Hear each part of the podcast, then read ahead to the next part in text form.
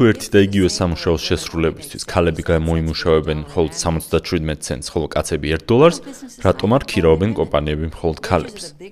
კომპანიების უმეტესობისთვის ხელფასი ყველაზე დიდ ხარჯს წარმოადგენს.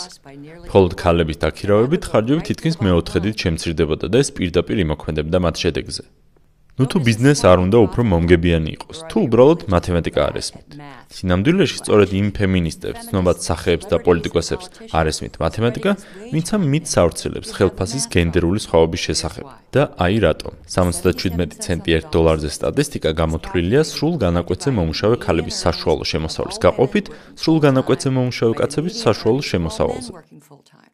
სხვა სიტყვებით, თუ კაცების საშუალო შემოსავალი წლიური 40000 დოლარია, ხოლო ქალების საშუალო წლიური შემოსავალი 38800 დოლარი, ეს ნიშნავს, რომ ქალები გამოიმუშავებენ 77 ცენტს კაცების მიერ გამომუშავებულ ყოველ 1 დოლარზე. 38800-ს გაყოფილი 40000 უდრის 0.77-ს.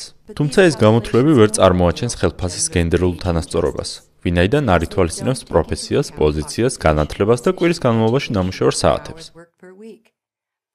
თვითფემინისტური ორგანიზაციის ქალთა უნივერსიტეტის ამერიკული ასოციაციის მიერ ჩატარებულმა კვლევამ აჩვენა, რომ თუ გავითვალისწინებთ ქალების და კაცების განსხვავებულ არჩევანს, რეალური სხვაობა ხელფასებს შორის 6.6 ცენტამდე მცირდება. სწორედ არჩევანი არის საკვანძო სიტყვა ამ სიტუაციაში. არსებულ მცირე სხვაობას ხელფასებში არანაირი კავშირი არ აქვს ქალებისთვის ნაკლების გადახდასთან ან სექსიზმთან. იგი გამოწვეულია იმ განსხვავებებით, რომლებიც ქალებისა და კაცების მიერ კარიერასთან დაკავშირებით მიღებულ ინდივიდუალურ გადაწყვეტილებებს შორის არსებობს.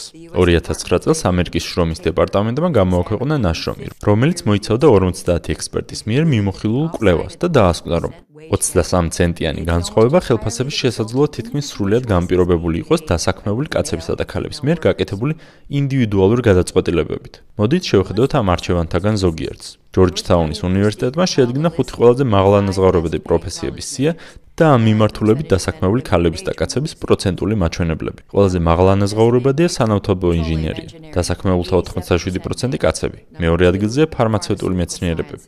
კაცების 58%-ით. მესამე, მათემატიკა და კომპიუტერული მეცნიერებები, კაცების 67%-ით. მეოთხე, საჰაერო კოსმოსური ინჟინერია, კაცების 88%-ით. და მეხუთე ადგილი, ქიმიური ინჟინერია, კაცების 72%-ით. ყურადღება მიაქციეთ, რომ ქალების წარმომადგენლობა ხუთ ყველაზე მაღალანაზღაურებადი პროფესიებიდან მხოლოდ ერთის შემთხვევაში აღემატება კაცებისას და ისიც ოდნავ. ახლა განვიხილოთ იგივე კვლევა ხუთ ყველაზე დაბალანაზღაურებად პროფესიაზე. პირველი ადგილი კონსულტაცია და ფსიქოლოგია, ქალების 74%. მეორე, ადრეული სკოლამდელი განათლება, ქალების 97%. მესამე, თეოლოგია და რელიგიური პროფესიები, კაცების 66%. მეოთხე, ჰუმანიტარული და საზოგადოებრივი ორგანიზაციები, ქალების 91%. და მეხუთე ადგილი, სოციალური მომსახურება, ქალების 88%. ამ შემთხვევაში ერთის გარდა ყველა კატეგორიაში ქალები უმრავლესობას წარმოადგენენ. ერთსა და იმავე პროფესიის შემთხვევაშიც ქალები და კაცები იღებენ განსხვავებულ გადაწყვეტილებებს კარიერასთან დაკავშირებით, რაც გავლენას ახდენს ხელფასის ოდენობაზე. ავიღოთ მედდის პროფესია, სადაც მედძმები მედდებთან შედარებით მთლიანობაში 18%-ით მეც გამოიმუშავებენ. მიზეზი? მედძმები ირჩევენ ყველაზე მაღალანაზღაურებად სპეციალიზაციას.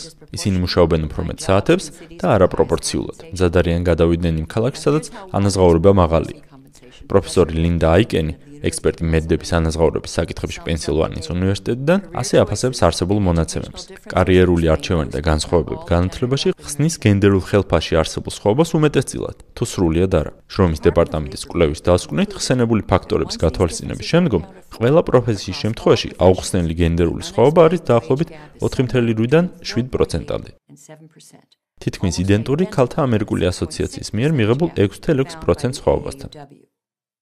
მაგრამ საერთოდ რატომ არსებობს ეს სხვაობა? ზუსტად არავინ იცის. ორივე ქალთა ამერიკული ასოციაციის და შრომის დეპარტამენტის მიხედვითაც ინდივიდუალურ ხელფასებს იმდენი ცვლადი განაპირობებს, რომ შეუძლებელია მათი ყველას გათვალისწინება ერთ კვლევაში. ხელფასის სხვაობის ზოგი კვლევა აკონტროლებს ისეთ ცვლადებს, როგორიცაა საშიში სამუშაო გარემო. კაცები ფართოდ არიან წარმოდგენილი მაგალითად ნავთობის პლატფორმაზე. კიდევ ერთი ფაქტორი მდგომარეობს იმაში, რომ კაცებს სურთ და შეუძლიათ უფრო ხანგრძლივად მუშაობა წინასწარ შეტყობინების გარეშე. ჰარვარდის ეკონომისტის კლაუდია გოლდინის მიხედვით, იმ შემთხვევაშიც კი თუ ორ იურისტს აქვს მსგავსი განათლება, მსგავსი სპეციალობა და მუშაობენ ერთსა და იმავე ხანგრძლივობით, კომპანიები უხდიან უფრო მეც იმას, რომელიც ყოველთვის მზადაა უპასუხოს ზარებს და მივიდეს ოფისში, როდესაც კომპანია სჭირდება. განსხვავებით იმისგან, ვინც დაგეგმილ განრიგს მიყვება. ეს სექსიზმი არაა, უბრალოდ საღიაზრი. უფრო რეალისტური კატეგორიების და დეფინიციების გამოყენების შემთხვევაში არსებული მცირე გენდერული სხვაობებიც გაქრება. ამგვარად ის ფაქტი, რომ ბიზნესები არ ქირობენ მხოლოდ ქალებს, არნიშნავს, რომ მათ არ ესმით მათემატიკა. მეორე მხრივ, იმ ადამიანებს, ვინც ამტკიცებს, რომ ერთი და იგივე სამუშაოსთვის ქალები გამოიმუშავებენ 77 ცენტს, ხოლო კაცები 1 დოლარს, პრობლემა აქვთ არაუბრალოდ მათემატიკის გაგებასთან, არამედ სიმართლის თქმასთანაც. მე ვარ ქრისტინა ჰოპსამერსი, American Enterprise Institute-დან, პრეიგერონისტვის.